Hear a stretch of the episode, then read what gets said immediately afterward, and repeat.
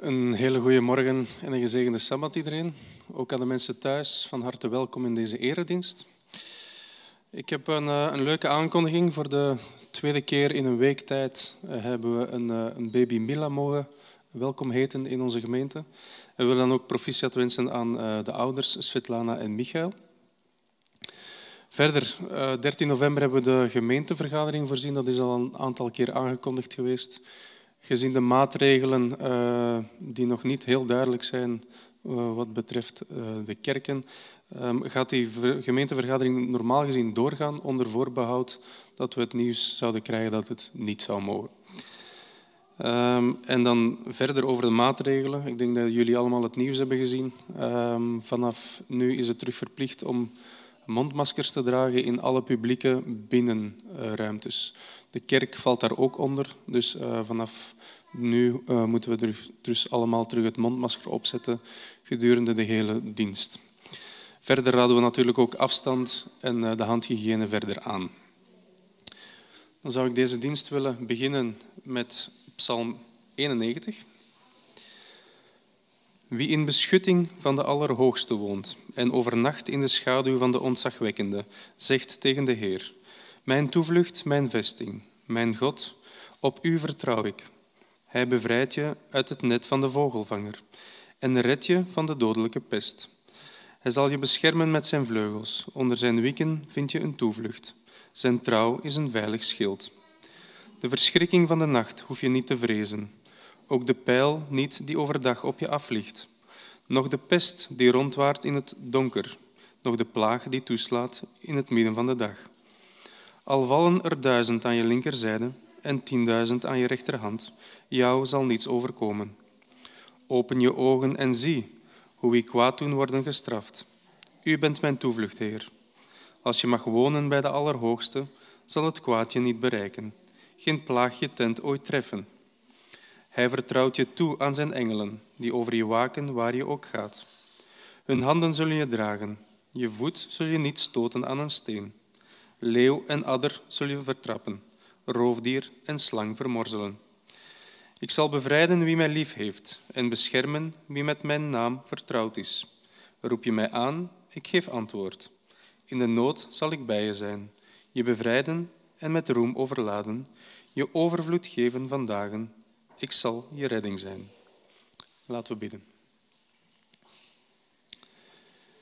Heer, op deze Sabbatdag komen wij tot U om U te danken. Te danken voor de voorbije week en de zegeningen die we van U mochten ontvangen.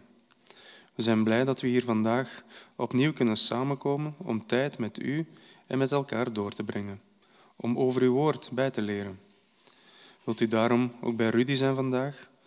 Dat Hij uw woord mag brengen op een manier dat al onze harten mag raken.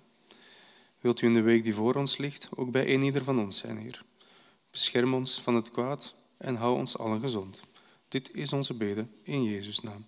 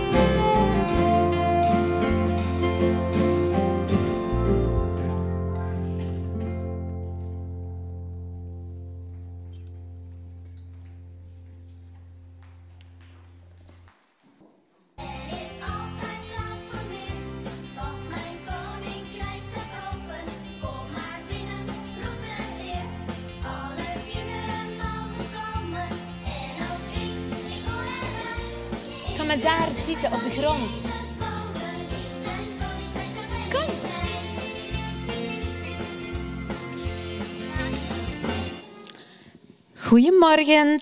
Zeg, ik heb gezien in de zaal dat er al veel kindjes zijn. Komen die naar voren? Ik zie er nog, hè? Eens zien. Oh, kijk eens. Alice, kom je mee? We hebben vandaag weer een heel leuk kinderverhaal. Ga maar daar zitten. Ja.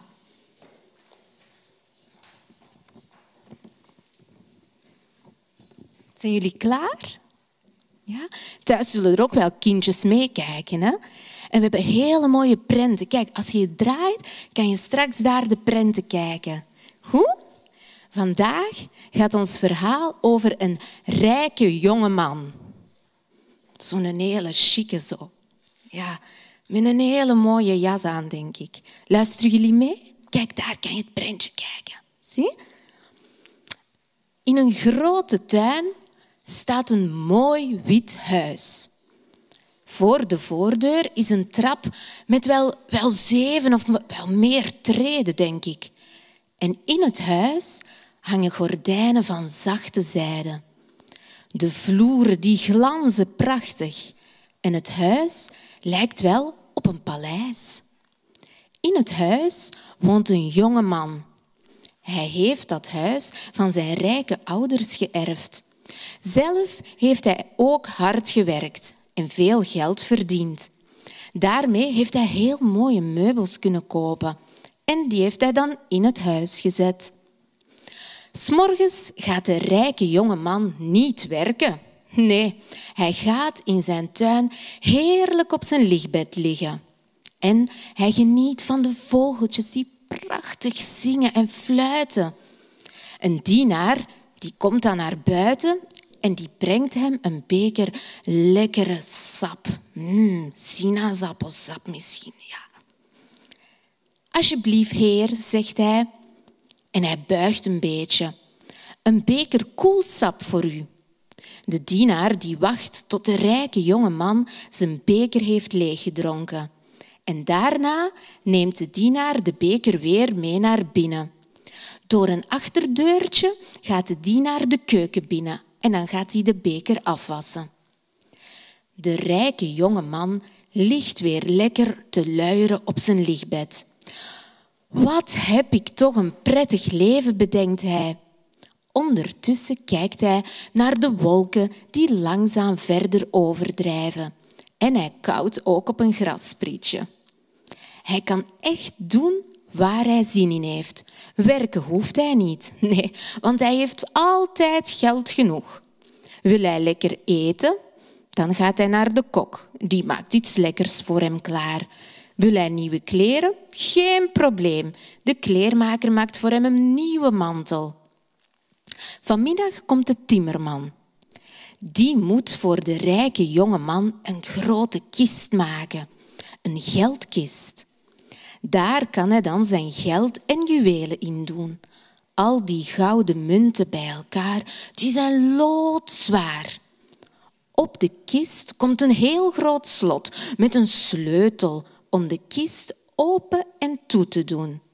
Die sleutel die bewaart hij op een geheime plek. Hij kijkt weer rond in de tuin.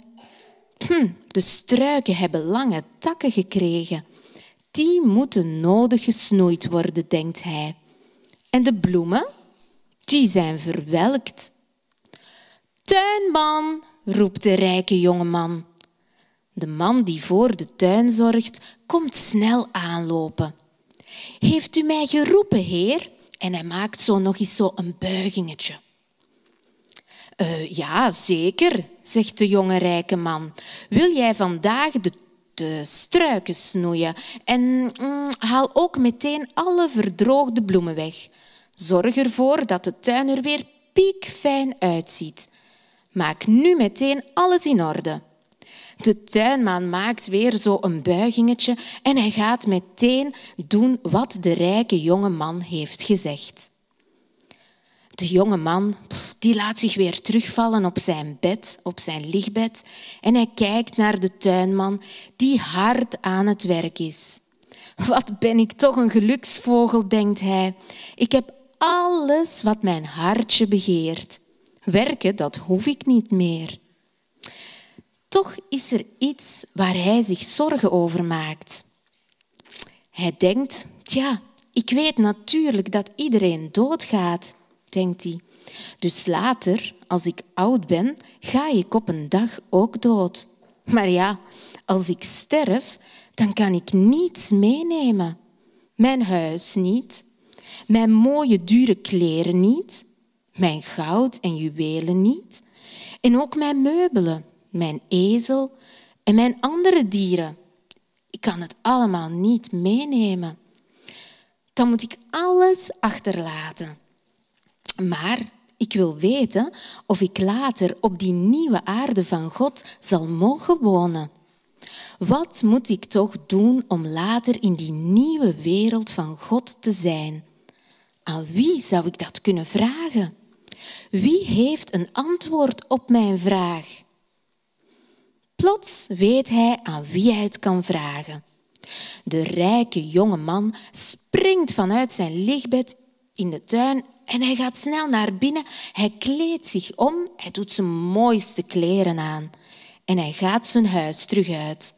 Hij gaat op zoek naar een rabbi.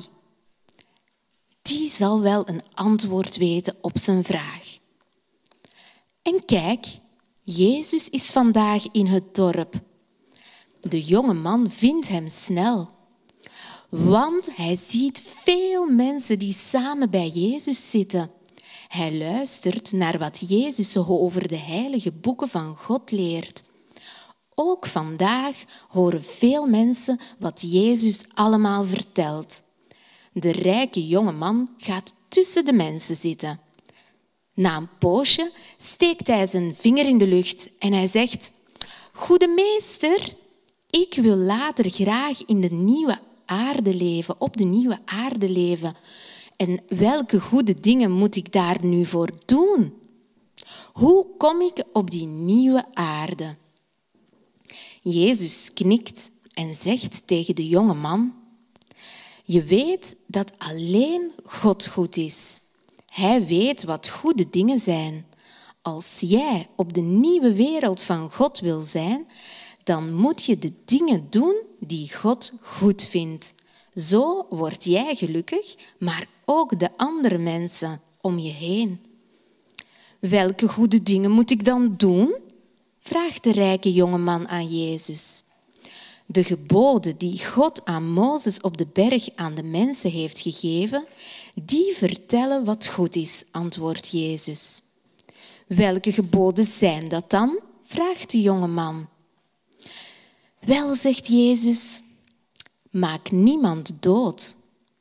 Als je van elkaar houdt, blijf je elkaar trouw en je zorgt goed voor elkaar. Steel niet, lieg niet en vertel de waarheid. Luister naar je vader en moeder en hou van anderen net zoveel als van jezelf. Daarop zegt de rijke jonge man heel blij, die geboden, maar die heb ik altijd al gehouden, al sinds mijn twaalfde jaar. Ik houd mij elke dag aan die geboden. Hij doet precies wat er in de geboden van God staat en dat maakt God blij. De jonge man weet nu dat hij in de nieuwe wereld van God zal komen. En weet je, de mensen die om Jezus heen zitten, horen wat Jezus de jonge man leert. Nu weten ook zij wat ze moeten doen om in die nieuwe wereld van God te komen. Zo, schatjes, dat was het kinderverhaal. Wat weten wij nu ook? Weten wij het nu ook wat we moeten doen als Jezus straks terugkomt? Het goede doen en lief zijn voor elkaar. Dat kunnen wij heel goed, schatjes? Ja, voor Jezus, hè, schat. Ja, jullie mogen terug bij de mama's en de papa's gaan zitten. Goed. Dag.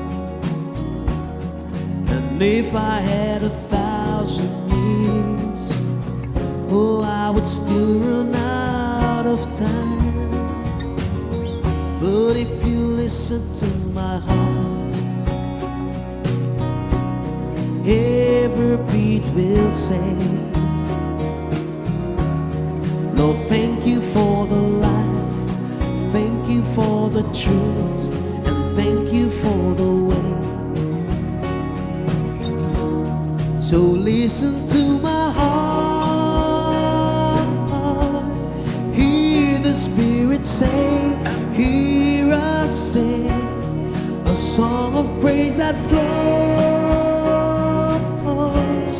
from those you have redeemed, you have redeemed. And we will use the words we know to tell.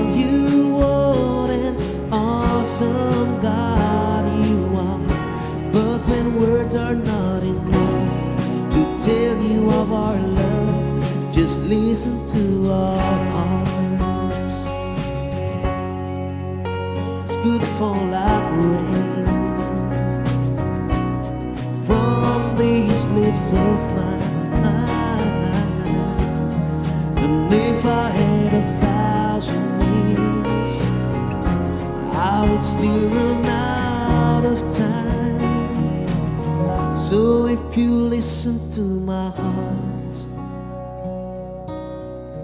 Every beat will say, Thank you for the life, thank you for the truth, thank you for the way. Listen to our heart, hear the Spirit say, hear us sing song of praise that flows.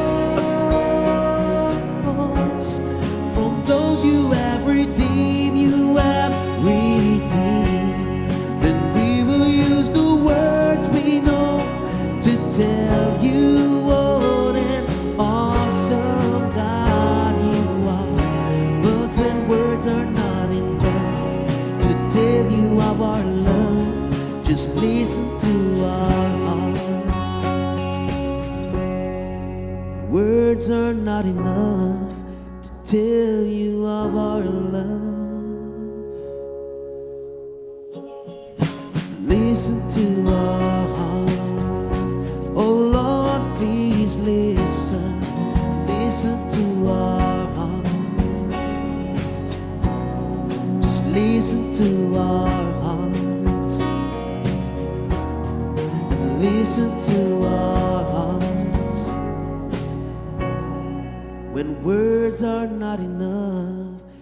tell you of our love. Listen to our hearts. Ik lees u graag voor uit Marcus 10 van de versen 17 tot 27. Ik herhaal, Marcus 10 van 17 tot en met 27. Toen hij zijn weg vervolgde, kwam er iemand naar hem toe die voor hem op zijn knieën viel en vroeg, Goede meester, wat moet ik doen om deel te krijgen aan het eeuwige leven? Jezus antwoordde, Waarom noemt u mij goed? Niemand is goed, behalve God. U kent de geboden. Pleeg geen moord, pleeg geen overspel, steel niet, leg geen vals getuigenis af, bedrieg niemand, toon eerbied voor uw vader en uw moeder. Toen zei de man, meester, sinds mijn jeugd heb ik me daaraan gehouden. Jezus keek hem liefdevol aan en zei tegen hem, Eén ding ontbreekt u. Ga naar huis, verkoop alles wat u hebt en geef het geld aan de armen. Dan zult u een schat in de hemel bezitten. Kom dan terug en volg mij. Maar de man werd somber toen hij dit hoorde en ging ten neergeslagen weg. Hij had namelijk veel bezittingen. Jezus keek de kring rond en zei tegen zijn leerlingen: Wat is het moeilijk voor rijken om het koninkrijk van God binnen te gaan? De leerlingen schrokken van zijn woorden, maar Jezus zei nog eens uitdrukkelijk: Kinderen, wat is het moeilijk om het koninkrijk van God binnen te gaan? Het is makkelijker voor een kameel om door het oog van een naald te gaan dan voor een rijke om het koninkrijk van God binnen te gaan. Nu waren ze nog meer ontzet en ze zeiden tegen elkaar: Wie kan er dan nog gered worden? Jezus keek hem aan en zei: Bij mensen is dat onmogelijk, maar niet bij God, want bij God is alles mogelijk. Goedemorgen iedereen.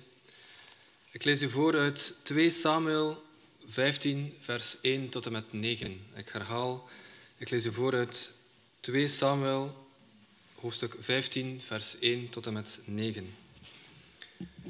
Enige tijd later liet Absalom een wagen maken, schafte zich paarden aan en nam een escorte van 50 man in dienst. Elke ochtend vroeg stelde hij zich op bij de stadspoort. Hij sprak iedereen aan op die weg die op weg was naar de koning om een uitspraak te vragen in een rechtsgeschil. Waar komt u vandaan? vroeg hij dan. En wanneer het antwoord luidde, uit dat en dat stamgebied van Israël. Dat zei Absalom. Hoor eens, ook al heb, hebt u volkomen gelijk, bij de koning zult u geen gehoor vinden. En hij vervolgde, waarom word ik niet aangesteld tot rechter van dit land? Ik zou iedereen in het gelijk stellen die een geschil of een rechtsvordering aan me kwam voorleggen. Wanneer zo iemand dan voor Absalom wilde neerknielen, breidde Absalom zijn armen uit en omhelsde hem. Zo trad hij iedereen uit Israël tegemoet die een uitspraak kwam vragen bij de koning. En op die manier palmde hij het volk van Israël in. Toen er vier jaar verstreken waren, zei Absalom tegen de koning: ik vraag uw toestemming om naar Hebron te gaan en de gelofte in te lossen die ik de Heer heb gedaan. Ik heb tijdens mijn verblijf te Gezur in Aram namelijk aan de Heer beloofd dat ik hem eer zou bewijzen, wanneer, ik, wanneer hij ervoor zorgde dat ik in Jeruzalem terugkeerde. De koning antwoordde, ga gerust. Absalom ging op weg naar Hebron. De Heere zegene de lezing van zijn woord. Ja, ik zou eigenlijk Omar, onze vriend Omar willen bedanken voor dit prachtige lied dat hij gebracht heeft. Maar hij is hier niet. Ik hoop dat hij het hoort, want uh, ja, dat kwam heel diep uit zijn hart. En schitterend toch. Bedankt Emil en Jeffrey voor het uh, voorlezen van de twee Bijbelverhalen. Ik zou dit, zoals gebruikelijk, willen zeggen Laat de woorden van mijn mond u behagen, de overpeinzingen van mijn hart u bekoren, Heer, mijn rots, mijn verlosser. Ik ben als veertienjarige, dus precies 60 jaar geleden, hier in deze kerk binnengekomen. Dat is een hele nieuwe wereld voor mij, een kerkelijke wereld totaal verschillend van de wereld waar ik in thuis hoorde. een wereld van socialisme, de eerste meistoet, officiële school, een totaal ander klimaat dan dit kerkelijk milieu. En in die tijd kon ik op sabbatmorgen niet in de kerk zijn. Ik moest naar school, want mijn ouders waren geen adventist.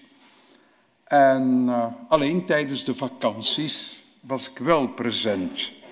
En toen was uh, de vader van onze Paul, Fernand Leconte, was hier predikant. Een bijzondere man. Hij had iets.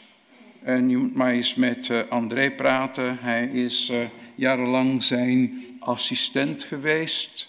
Evangelist, zoals men dat dan noemde, hulppredikant.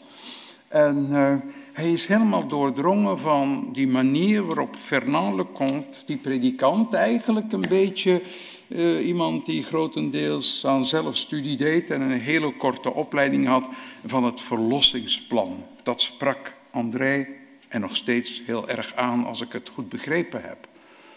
En dat sprak mij niet zo aan. Natuurlijk, ik kende helemaal niks van de Bijbel, maar er waren een paar dingen die bleven hangen. Ik begreep ze misschien niet helemaal, maar wat uh, broederlijk komt, zoals dat werd gezegd, uh, uh, vertelde was, we zijn wel in de wereld, maar we zijn niet van de wereld. En dat was iets dat met regelmaat terugkwam. En een ander gegeven was uit 1 Johannes 2, je kunt die tekst eens lezen, uh, waar Johannes het over de wereld heeft en de werken van de wereld. En dat kwam iedere keer weer terug bij Fernand. Van de begeerte van het vlees, van het lichaam dus, de begeerte van de ogen, dat van het hart natuurlijk, en een in de oude vertaling hoogwaardig leven. Een vorm van arrogantie in het leven, van een soort trots in het leven. Dat zijn de werken van de wereld. Dat is bijgebleven. Ja, ik, ik vatte het niet allemaal, maar in de loop van mijn leven, in die 60 jaar dan, waarin ik die Bijbel beter heb leren kennen, ben ik gaan beseffen dat inderdaad in de wereld zowat alles of heel veel draait rondom die zelfzucht, de zucht van het lichaam, waaronder je seks en eten en roken en alcohol kunt denken, datgene wat het lichaam eigenlijk graag heeft. Dan de hebzucht, datgene wat je ziet, wat de ander heeft en wat je wil hebben en, en rijk wil worden. En dat derde, de eerzucht, belangrijk zijn carrière maken, studies doen, indruk maken, een star zijn. Dus en daardoor verkreeg je macht. Dat is eerst later bij mij binnengekomen. Steeds meer en duidelijker. En natuurlijk zie je dat heel erg sterk bij die twee zonen van David. De ene Salomo, die ervoor ging, duizend vrouwen. Ja, paarden en wagens. En al dat goud, en daar heb je ze dan. Hè? De zelfzucht. Ja, de macht met zijn paarden en wagens. En dan ook nog eens dat goud. Hij had alles wat zijn hart verlangde. Dat was de ene zoon van David. Maar die andere zoon van David, Jezus, dat was diegene die het tegenovergestelde deed. Die uh, zijn begeerte van het lichaam onder controle hield. En dat bleek onder andere onder zijn vasten. Dat uh, hij zijn ogen uh, onder een zekere focus hield. Hij aanvaarde niet al die rijkdom van al die koninkrijken die hij zou mogen hebben. Doet hij niet. En zijn macht toonde hij niet door even van de tempel af te springen. Heel hoog was dat ja, van het dak. En dan zouden de engelen hè, door God uh, gestuurd worden om niet te laten neervallen op de plaveien die daar waren. Um, ja, het is zo dieper en dieper doorgekomen. Laat ons vandaag eens nadenken over één van die drie aspecten. Op een gegeven moment komen ze alle drie aan bod. Maar vooral over dat geld, en dat hebben we gelezen met dat verhaal van die jonge man. Uh, ja, wie van ons, als hij dat verhaal nu hoort en leest, heeft er nooit een onbehagelijk gevoel bij? Dat is nogal wat, hè? Dat is nogal wat, hè? Alles wat je hebt. Geef het weg. Verkoop het. Geef het aan de armen. En dan heb je een schatting in de hemel. Oh, oh, wacht even. In de hemel. Wat moet ik mij daarbij voorstellen? Op een of andere manier merk ik, heb ik gemerkt, dat als je dat thema van geld aanhaalt, of dat over seks of over macht, wanneer je ja, groepsgesprekken hebt, wanneer je studenten hebt, wanneer je met leden daarover nadenkt, dan, dan, dan komen er spanningen, komen er discussies, voel je iets onbehagelijks. Op een of andere manier treft het mensen op die drie terreinen nogal sterk. En dan, uh, ja, dan merk je van, ze zien het allemaal verschillend. En mogelijk heeft het te maken met dat intieme privéleven van ieder. En, en, en, en, lastig hebben met sommige dingen uit de Bijbel. Ja, het is nogal wat, hè? verkoop alles, geef het aan de armen. Daar zit je dan. Maar is dat nu werkelijk datgene wat het verhaal vertelt? En dat komt mensen dus iedere keer weer voor ogen. Dat er soms allerlei dingen bij ons leven in ons godsdienstig denken, in ons geloof, waarvan ik me soms afvraag, maar dat staat er toch niet? Maar dat lees ik daar toch niet in? Uh, heb ik dat nou wel goed gelezen? En vanochtend zou ik uh, nog eens een oefening met elkaar willen doen, spellend lezen. Spel lezen, woord voor woord of zin voor zin, om, om er dichterbij te komen, om vast te stellen wat er nou niet staat en wat er eigenlijk wel staat. En natuurlijk, die, die lezers van Marcus, ah, die, die snapten het meteen. Ze waren ze op getraind. Diegenen die daar naar de synagoge gingen, een leven lang of twintig jaar, maakt niet uit ze hadden aan een half woord genoeg om van een verhaaltje meteen allerlei verbanden te zien. En ja, als ze die verbanden zagen, dan was dat voor hen heel duidelijk, want die verbanden maakten dan dat ze konden lezen en begrijpen wat er stond. En niet zomaar even gewoon meegaan. Gewoon maar het letterlijk lezen. Dit is een van de grootste problemen. Als jullie het mij zouden vragen, doen jullie niet, maar dan mag ik het misschien zeggen. Het grootste problemen bij christenen en bij adventisten. Dat er wat al te veel, soms moet het wel, letterlijk gelezen wordt. Maar soms wat al te veel waar het niet letterlijk hoeft te zijn. Laten we eens even naar dit verhaal kijken. Hè? Uh, we zitten in Marcus 10, vanaf vers 17. Diegenen die willen volgen, kunnen dat uiteraard uh, gerust doen. En uh, jullie hebben gemerkt dat we eerst dat verhaal van Marcus hebben gelezen. Daarna dat andere verhaal. Dat andere verhaal hebben we nodig, het zal blijken, om dit verhaal van Marcus te pakken om dat in de vingers te krijgen. Toen Jezus zijn weg vervolgde, hij is op weg naar Jeruzalem. En jullie weten waarom hij naar Jeruzalem, ging. Net een gesprek gehad met, met uh, ouders en kinderen. Ouders komen met hun kinderen en vragen aan Jezus, als, en dat werd gedaan bij de rabbijnen, hè, van uh, leg ze de handen op en zegen ze. In bepaalde culturen is dat belangrijk. Hè? Toen ik... Uh, uh, predikant was in de internationale kerk met uh, Aziaten en Afrikanen en zo. En er was een babytje geboren.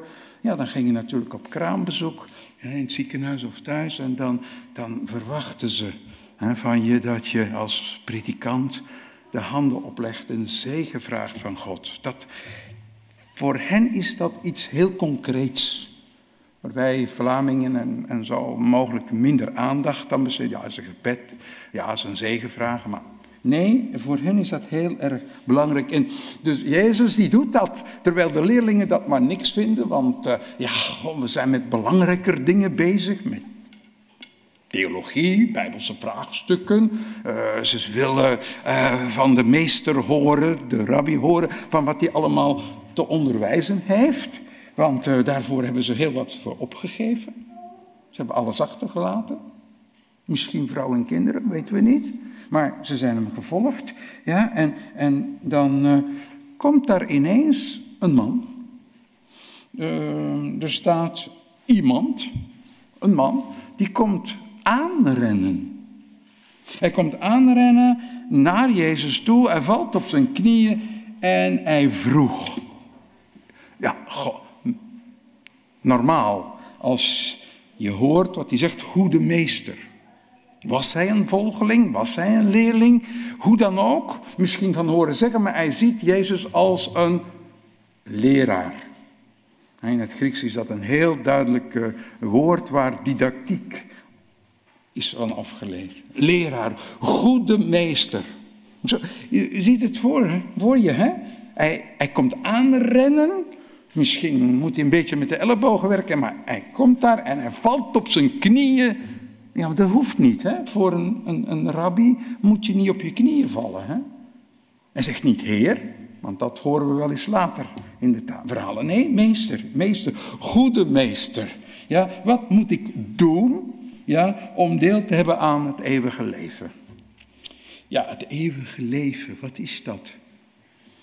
Hmm, de evangelist van Johannes die laat Jezus, uh, citeert Jezus zeggen van, uh, ja, het eeuwige leven is dat ze mij kennen, dat ze God kennen.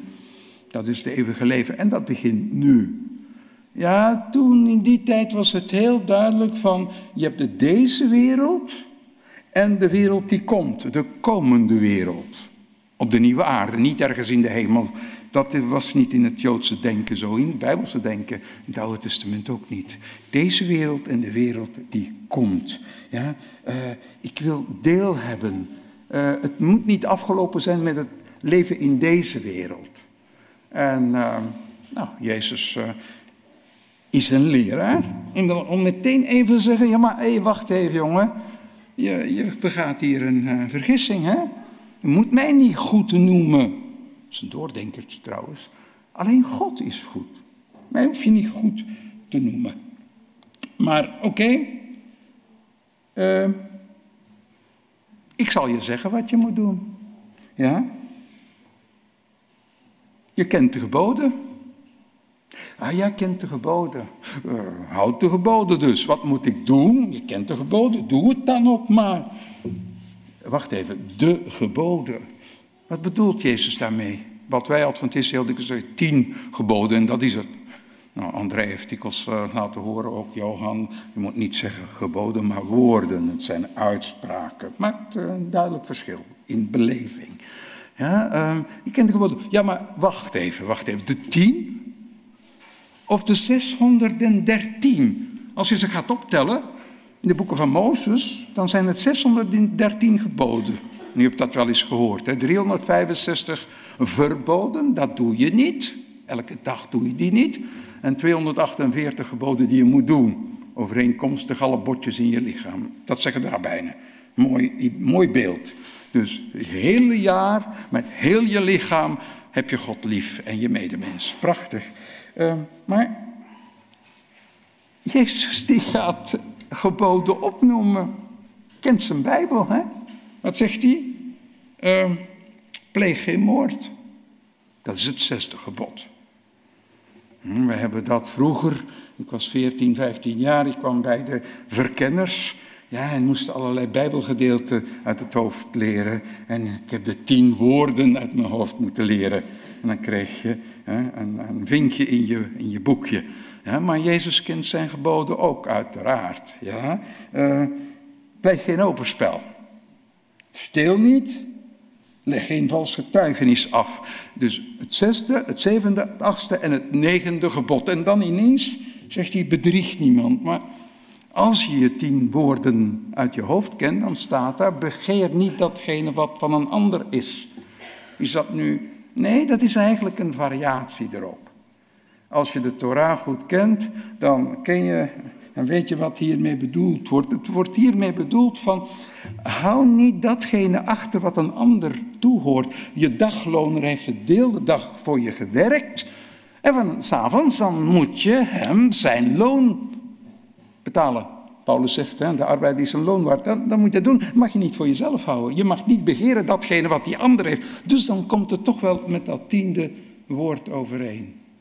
En dan ineens, eer je vader en je moeder. Vijfde woord. Hmm, raar. Uh, in Matthäus staat er dan, want Marcus heeft het het eerste geschreven. En dan heeft Lucas het gedaan en dan heeft Matthäus het gedaan. En dan merk je, de verhalen zijn heel sterk overeenkomstig, maar dan merk je dat Matthäus er iets aan toevoegt. En eerst Lucas en dan Matthäus. En, uh, er staat dan ook bij, en heb je medemens lief als jezelf. Dus Jezus vat het nog eens goed samen. Goh, dat is wat, hè? Maar waarom? Waarom? Eh, wij Adventisten zouden zeggen, ja, maar en dan de Sabbat? Dat vierde woord? En Misschien ook in een katholiek land en vooral de oudere generatie, die heeft dat toen met de paplepel ingekregen, ook door broeder Leconte. Hij was een van die predikanten die, dat ons zegt, deze kerk mee heeft opgebouwd. Ja, hey, geen beelden, hè? Geen Mariabeeld, geen dit beeld en dat beeld. Van, dat kan niet, hè? dat staat er, dat dat niet mag. Hè? Maar Jezus noemt dat niet. Geen sabbat. Niet het aanbidden van beelden. Nee, hij houdt het hierbij. En dan, uh, wat een opluchting. Maar meester, zegt die jongeman, dat heb ik eigenlijk altijd zo gehouden. Eigenlijk van begin af aan, van mijn jeugd. Nou ja, dan weten we wat dat betekent in het Jodendom. Dan weten we dat dat van zijn dertiende is. Hè? De bar mitzwa. Alhoewel die term nog niet gebruikt werd, maar de aanloop was daartoe. Oké, ik heb dat gedaan. Dus mooi toch? Jezus zegt, wat, wat om, om het eeuwig leven te hebben? Om het koninkrijk gods binnen te gaan, zegt hij iets later. Maar, maar vroeger al eens op gewezen dat dat eigenlijk een beetje verwarrend is. Want het is niet een koninkrijk met een territorium. Eigenlijk, ja, en, en we weten het allemaal, die evangelieën zijn in het Grieks geschreven. Ja, en dan is daar een vertaalslag van dat Aramees, wat Jezus heeft gebruikt, of het. Maar uh, eigenlijk gaat het om het koningschap van God. Bekeer je, want het koninkrijk der hemelen, zegt Matthäus. In Marcus is het het koninkrijk van God. Soms zegt men koninkrijk van de hemel. Allemaal uitdrukking om te zeggen van, oké, besef je. Besef je dat God koning is van deze wereld, van dit volk. Besef je dat Hij de koning van je leven is, maar je bent op zijn troon gaan zitten. Stap van die troon af. Niet ik, ik, ik, maar u, u, u. Aan u is het om te zeggen wat het leven inhoudt en waar ik mee verder moet.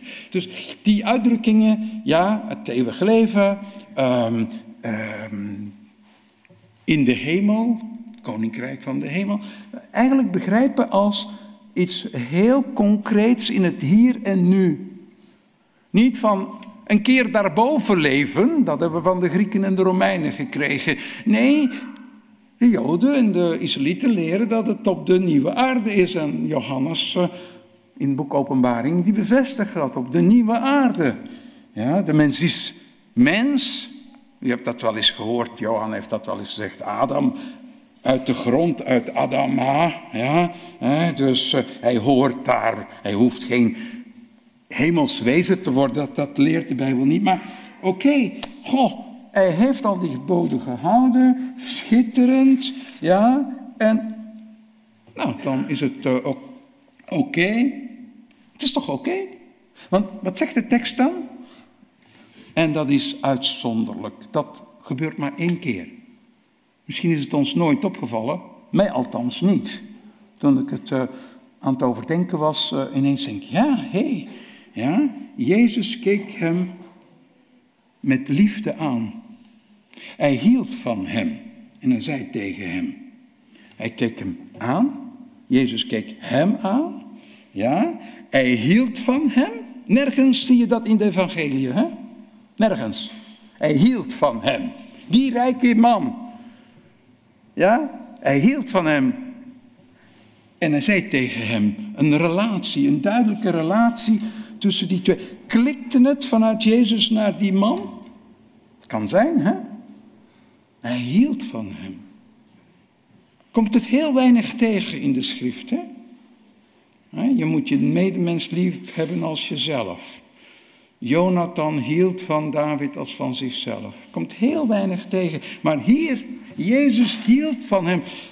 Hoe zou dat zijn om dat even te laten binnendringen? Van, Jezus houdt van jou. Ik vervolg niet en hou jij van. Nee, hier staat het gewoon. Jezus hield van hem. En dan vervolgt hij. Als ik in de tekst kijk, dan zegt hij: één ding ontbreekt u. Nou, daar is het weer even heel interessant om, om even bij mm, Matthäus te gaan kijken. Want uh, daar staat dat die jonge man, of dat die man, zegt van, ja, wat kan ik nog meer doen? Ik heb het allemaal gedaan al, ik doe het altijd al, maar wat kan ik nou nog meer doen? Dat is een mooie. Want misschien hebben jullie dat ook al eens uh, gehoord en gelezen en gezien. Uiteindelijk als je doet wat de Torah voorschrijft, de wet voorschrijft, dan doe je wat recht is. Zo hoort het nu eenmaal. Maar Jezus en de profeten, en kan Amos en kan Jezaja opnoemen, ja, die nodigen uit om meer te doen dan wat je moet doen of wat je hoort te doen. Meer dan, en dat is gerechtigheid. Jezus zegt het ook hè, tegen zijn leerlingen van, als jullie een gerechtigheid niet meer is dan, nee, je moet meer doen. Het is prachtig dat je doet datgene wat God wil van je. Dan zit je op zijn golflengte. Maar je moet je niet beperken tot die 613. Hè? Want die, die, die Torah, die wet, die leert je wat het betekent om God lief te hebben en om je medemens lief te hebben. Dat moeten we soms leren. Hangt er vanaf wat je achtergrond is. De achtergrond van André is misschien dat verlossingsplan uh, geïnspireerd van, ja, ik moet dit en ik moet dat en, en ben ik niet te zondig. Hij moet het, vraag het hem zelf straks. Hè. Ik vind dat een interessant gesprek om verder door te gaan. Terwijl ik uit een achtergrond kom waar daar niet nadruk op gelegd wordt. Je voelde je niet zondig. Ook gevaarlijk. Uh, maar ja, het is, uh, de mens is goed en de mens doet zijn best. En ja, geen kerkelijke achtergrond. Dus daarom sprak mij dat zo aan van ja, die drang naar van het lichaam, de drang van de ogen, en drang van die eerzucht. ja, allemaal goed en wel. Maar hier, wat kan ik meer doen? Dus die jonge man, en nu zeg ik jonge man, want hier staat iemand, een man. Maar bij Matthäus staat er twee keer de jonge man. Uh, bij Lucas staat dat hij heel rijk was. Dus een rijk voornaam iemand staat er. Maar jonge man. En dan stoppen we heel even. Want dat is um, een heel interessant gegeven, jonge man. Nu komt het erop aan om je verhalen uit de Hebreeuwse Bijbel, Oude Testament te kennen. Hier, als dat zo doordringt van jonge man, jonge man, maar vooral deze serie van, van geboden of woorden. Datgene wat van je verwacht wordt. Waarom maakt Jezus deze selectie? En waarom staat daar jonge man?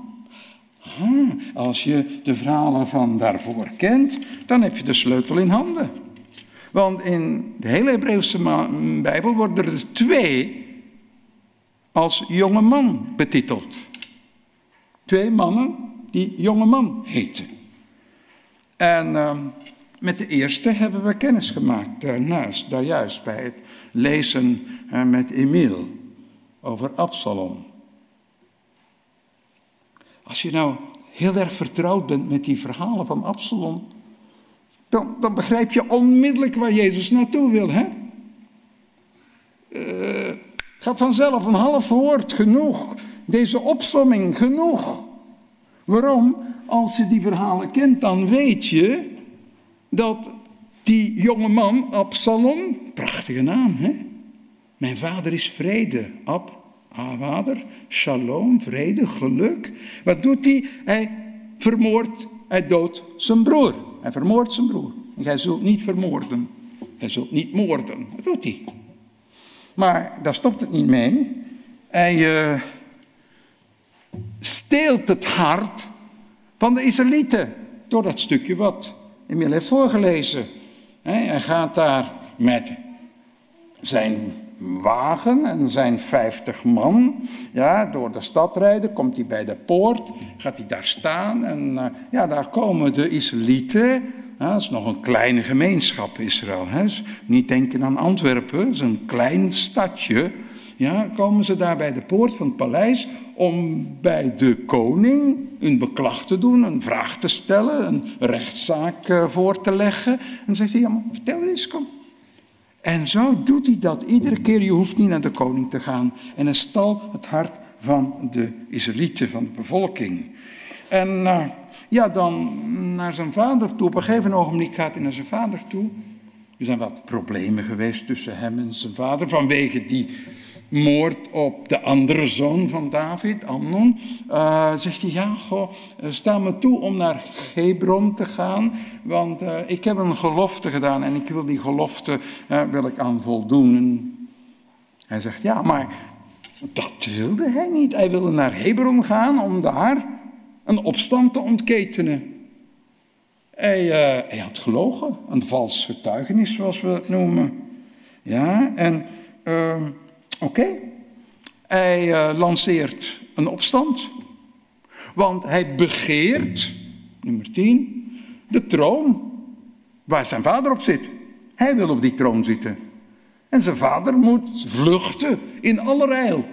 Hij moet dat enorm organiseren, want Tabson komt er met zijn uh, leger aan. En uh, David uh, past het paleis uit in het oosten, de stad uit, in de Kedronvallei, de Olijfberg op. En ja, goh, barre staat er dan in de tekst. En iedereen is aan het wenen, het is een ramp, het is een crisis.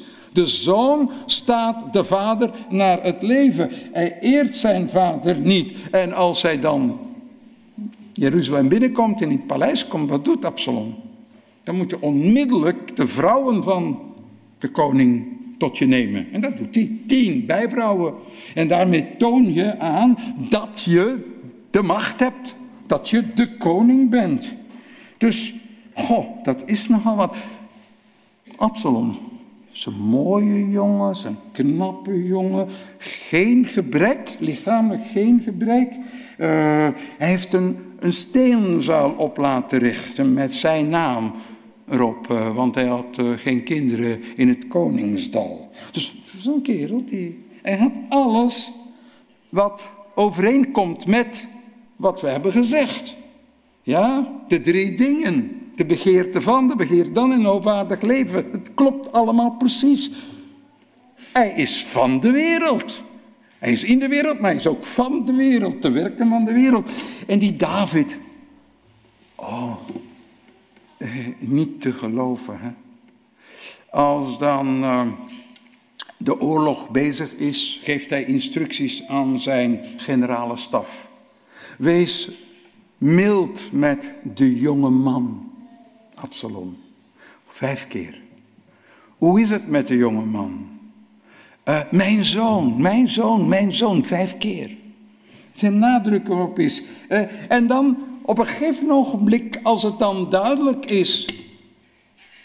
En dat weet David niet, dat, dat Joab, zijn neef, de generaal van het leger, Absalom de doodsteek heeft gegeven. Dan, uh, als David hoort dat zijn zoon dood is, dan begint hij te jammeren, te jammeren, te wenen, luid erop. Als je dat, dat leest, hè, dan gaan de rillingen door je lijf. Echt waar, mijn zoon, mijn zoon, Absalom, was ik maar in jouw plaats gestorven. Wauw. Waar hebben we dat meer gehoord? Iemand in de plaats van een ander sterft of wil sterven. Dat is niet niks, hè? En Joab komt dan, nadat hij daar aan het rouwen en het jammeren is, wordt hij kwaad. En een hele uh, emotionele, psychologische invasie in het zijn van David. En zegt, hoe kun je dat? Je mannen hebben hun leven gewaagd voor jou. En jij zit er alleen maar te jammeren en te, op zijn Antwerps, te blijten, hè? te huilen. Ja, hoe kun je nu? Ja, diegene die jou haten, die heb jij lief. Wauw. Dat is niet niks, hè. De, ja, het is nu duidelijk hè, dat Jezus heeft iemand voor zich die de antipode is van Absalom. Die heeft het goed gedaan. Die doet het goed. Die heeft niks van al dat negatieve, want de vader van vrede.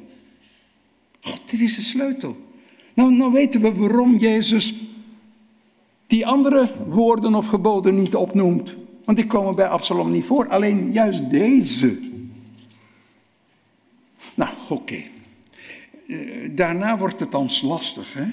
Want uh, dan zegt Jezus, uh, ja, wat, ja, wat wil je meer doen? ja, ontbreekt één ding, hè? Dat is, ga naar huis. Verkoop alles wat je hebt en geef het geld aan de armen. En dan zul je een, stad, een schat in, in de hemel hebben. Ja, in de hemel. Wat betekent dat dan? Ja, dan, dan ben je rijk in de hemel. En kom dan terug en volg mij. Oh, Oké, hier weer dat probleem van letterlijk lezen. Moet je dit nu letterlijk lezen? Beetje later komt dat uh, gegeven van die kameel en het oog van de naald. Hm? En dan gaan we uitleg geven. Ja, het oog, dat is dan een klein poortje in Jeruzalem. Je moet alles afpakken en dan kan je misschien die kameel er doorheen duwen. Of andere uitleg, ja, uh, het is uh, kameel, dat is een woord voor een dik touw, wat je niet. Nee, nee, hoeft het niet zo uit te leggen. Het is rabbijns, het is joods. Je, je gebruikt beelden die je niet letterlijk moet nemen. Echt niet. Dat is om, om je te prikkelen, om erover na te denken. En eigenlijk wil het gewoon zeggen van, het is onmogelijk. Uh, het kan gewoonweg niet. Ja? Uh, en dat, dat is dan een van die uitspraken van Jezus. En dat doet hij meerdere keren. Als hij zegt van ja, de zoon des mensen, de mensenzoon heeft geen steen om zijn hoofd op te leggen. Moet je het letterlijk nemen? Nee, natuurlijk niet, wat aan een huis in Capernaum. En zo zijn er, uh, goh, als je verleid wordt, ja, door je hand, hak het af. Je voet, hak het af. Je oog, ruk het uit. Geen mens die toch ervan uitgaat dat Jezus dat letterlijk bedoelt. En zo zijn er heel veel uitspraken in de evangelie. Die passen precies van wat de rabbijnen ook altijd doen. Om de mens te prikkelen in zijn denken. Om hem een stapje vooruit te krijgen. Om hem te laten nadenken. Moet je nu op basis van wat Jezus hier zegt alles verkopen? Dan spreekt hij zichzelf tegen, want hij, hij brengt de Torah naar voren. En als je de Torah toepast, wat die jonge man doet dan kan hij niet van die jonge man gaan vragen dat hij de Torah gaat overtreden. Want je mag je grond niet verkopen. Je mag je akker niet verkopen. Dat hoort de familie toe. En daarom blijven de gebieden van de stammen wat ze zijn. Op een gegeven ogenblik uh, krijg ik een, uh, een vraag uit Terneuzen. Er is iemand in Terneuzen die zegt, ja, goh, ik heb het, uh, die dominee, zoals het in Nederland gezegd wordt, uh, heb ik uh, de vraag gesteld, ik krijg een erfenis, ik ben de nicht, ik ben niet de kind, niet de dochter, en moet ik nu van mijn erfenis tiende geven? Die oom en tante waren adventisten. Moet ik daar nu tienen over geven? En die dominee zegt, ja, moet je aan de kerk geven. Zeg nee, Dat moet je niet doen. Dat moet je niet doen, want in het oude Israël, waar die, dat tiende systeem vandaan komt, staat heel duidelijk van, uh, luister eens even, dit land is van je. Je geeft tiende van de opbrengst van het land, maar je gaat het niet verkavelen. Want als je van generatie op generatie iedere keer een tiende stuk van dat land afneemt, dan op de duur heb je nog uh, een zakdoek, zouden de Antwerpenaren zeggen. Nee. Dus, niet nodig, want deze oom en tante hebben een tiende heel leven gegeven van hun inkomsten. Maar goed, het is niet zomaar een zijpaadje. Het is gewoon om duidelijk te maken dat Jezus dit niet letterlijk kan gezegd hebben. Verkoop alles. Dus ook je huis en ga naar huis en al je bezittingen. Maar ook je huis en een stuk grond erbij. Dat kan gewoon weg niet. Dus ja. En geef het dan allemaal aan de armen. Allemaal. Eh, als ik dat goed volg, dan moet eigenlijk die jonge man moet arm worden. Natuurlijk, er is een tekst in, in de Torah die zegt, ja, je zult de armen altijd bij je hebben. Eigenlijk een beetje triestig aan de ene kant, opluchting aan de andere kant, want we kunnen niet al het leed van alle armen, kunnen we niet lenigen, dat gaat gewoon weg niet. Een stukje realisme is daarbij nodig. Ja, en uh, oké, dus geef dan de armen en je zult schat in de hemel hebben. In de hemel? Nee, natuurlijk niet. Niet in de hemel. Moet je dan ervan uitgaan dat je rijken in de hemel hebt? Oppassen voor dat letterlijk concluderen. Hè? Maar als je denkt aan die jonge man, dan die andere jonge man waar we het er juist over hadden, die doet dat precies. Verkopen, weggeven en een schat hebben. Jozef. Jozef wordt die Hebreeuwse jonge man genoemd. Jozef is diegene die de Torah houdt. De verhalen vertellen het. Hè? Hij houdt zich aan de richtlijnen van God. En hij stijgt en hij stijgt en hij wordt uiteindelijk de nummer twee in Egypte. En hij leest de verhalen erover. Ja, hij krijgt de zegelring van Farao, want hij is de nummer twee in Egypte. Hij krijgt fijn linnen, dure kleren. Ja, hij krijgt een halsketting. En hij krijgt de op één na mooiste wagen in Egypte. Waarom? Omdat hij trouw is geweest aan God en omdat hij dromen krijgt van God en ze kan laten toepassen. En Farao heeft er oor naar, want die man die heeft wijsheid, die heeft inzicht en hij doet het. En durende vijf jaar, de zeven jaar, stapelt hij het graan op en op. En dan komen de zeven magere jaren. En uh, ja, dan uh, heeft de bevolking uh, honger, hongersnood. En dan komen ze naar die voorraadschuren en Jozef verkoopt alles wat er is. Ook die andere armen komen, hè, die uit uh, Canaan, zijn familie komt. Ze komen graan kopen van hem. En hij laat ze betalen. En ze mogen afreizen. Maar onderweg komen ze tot de conclusie dat hun geld, wat ze betaald hebben, ligt in hun graanzakken. Dus geeft het weg aan de armen. En uh, ja, ze hebben het niet meer, ze weten niet meer waar moeten we nou van denken.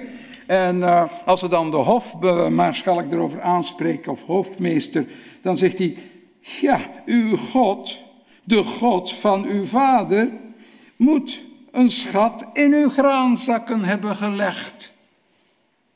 Oeh, verkopen? Weggeven? En een schat hebben. Ja, goh. Hm. Simple comme bonjour, zeggen ze op Sint-Tanneke. Ja, zo eenvoudig. Maar voor ons moeilijk, hè? want wij, wij lezen anders. Maar als je, als je gewoon probeert te lezen zoals zij lazen, dan wordt het heel anders. Hè? Uh, we krijgen hier de rijke jonge man die echt afsteekt tegen die andere rijke jonge man Absalom. Heel mooi. Hij is in de plus en de ander is in de min. En de tweede, Jozef, ja, die is dan meer dan de rijke jongeman, want die heeft dat nog niet gedaan. Want hij ging, ja, beteuterd ging die weg. Want dat zag hij niet zitten. Tuurlijk, je kunt zeggen, ja, maar het klopt niet 100%. Nou, maar zo werkt dat niet. Uh, een aantal woorden zijn genoeg om de zaken op gang te brengen. Dus ook prachtig, dat is dat Jozef aan het einde van zijn leven, als vader Jacob gestorven is, dan zegt hij tegen zijn uh, broers, niet bang zijn. Jullie hebben mij bedrogen, maar niet bang zijn. Ik ga voor jullie zorgen. Ja, hij stelt ze gerust, hij troost ze. Jezus, ja, die zegt tegen Petrus, Petrus zegt, ja, maar we hebben alles achtergelaten, hoe moet dat nu verder? En hij troost ze. Don't worry, hè. Je moet je geen zorgen maken, hè? want ja, wat wij denken dat niet mogelijk is, kameel, enzovoort enzovoort, maar bij God is het wel mogelijk. Ja, uh, goh, wat moeten we hier nou uit leren? Ja, tegen Petrus zegt hij van, luister eens even, ik vraag niet het absolute. Ik vraag niet het onmogelijke. Ik vraag niet het absurde om je hand af te hakken en je oog uit te drukken. Jezus wil mensen zoals een meester, zoals een leraar, zoals een rabbijn aan het denken zetten. Hij wil ze op weg zetten om in een, een goede relatie te komen met God en een goede relatie met medemensen. Dus als we het als samenvatten, dan is Jozef een man in de wereld, maar is niet van de wereld. Ja, terwijl Absalom een man in de wereld is, maar ook van de wereld. Dus ja, uh, geld opent natuurlijk deuren in ons leven, ja, die anders gesloten blijven. Dat is Jos. Maar bij God gelden er andere maatregelen. Iemand uh, die welstellend is, die wordt in de Hebreeuwse Bijbel, het Oude Testament, gezien als iemand die door God gezegend is. Natuurlijk, hij krijgt dan volle steun van God als hij niet alles voor zichzelf houdt. Als hij niet hebberig is, hebzucht is, maar dat hij helpt. Wij zouden zeggen, God, die mensen daar in Wallonië, God, die mensen daar, wij hebben gelukkig iets zoals Adra. Laat ons even tot een slotsom komen. In de hoop dat jullie daar hier en daar iets in zien. Hoe zou het zijn om aandacht te schenken aan die geboden? Ik zeg maar even geboden. Ja, het zijn woorden en voorschriften en zo. Als je dat doet, dan heb je al deel aan deze wereld en aan de komende wereld. Want eigenlijk had die jonge man niet moeten zeggen, wat kan ik meer doen? Wat moet ik doen om het eeuwige leven te beërven? Houd de geboden, klaar. Doe wat recht is. Dan hoor je bij Gods volk. Moet je geen zorgen maken. Maar wil je Jezus volgen? Dan kun je een tandje bijsteken. Dan kun je meer doen dan datgene wat God van je verwacht. Hoe zou het zijn, lieve mensen, om die geboden te houden in de mate van het mogelijk en aandacht te besteden aan arme mensen, aan mensen die nood hebben. Hoe zou het zijn om te beseffen dat er altijd armen zullen zijn, dat zegt de schrift. Die zullen er altijd om ons heen zijn. Maar tegelijkertijd, als we enige welstand hebben, als we enigszins rijk zijn, en wat is rijk zijn? Ga je noorden van de wereld vergelijken met het zuiden van de wereld, ja, dan zijn we allemaal enorm rijk.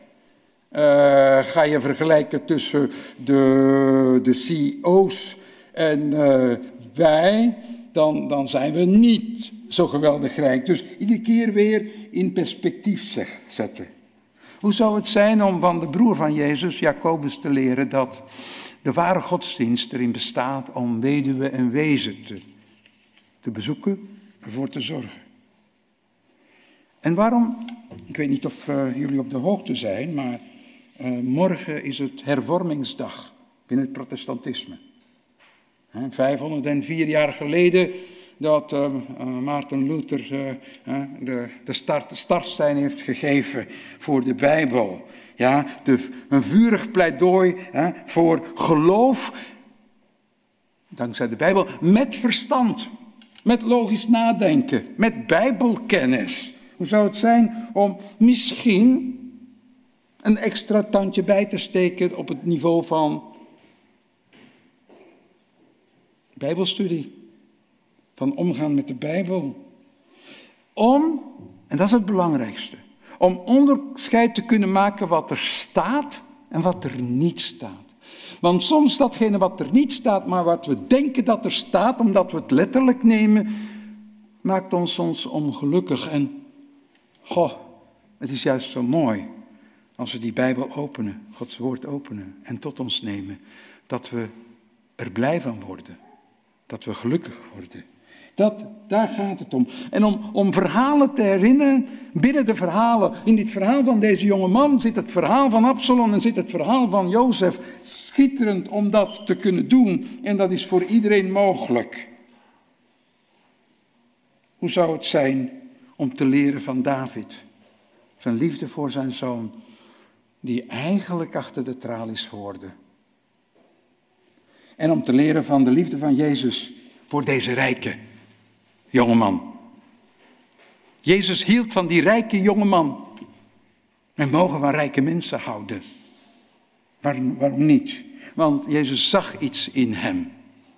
Wat uh, de gewone verzamelaar van, van uh, duizenden euro's uh, te boven gaat. David wilde zijn leven geven voor zijn zoon en Jezus heeft zijn leven gegeven voor ons allemaal. Waarom niet? De kijken naar het leven. Het leven kan mooi zijn. Kan heel mooi zijn. Ja, in de wereld waarin we leven. Als we voldoende afstand blijven houden van de wereld. En dan wordt veel mogelijk. En volgens Jezus met God alles mogelijk.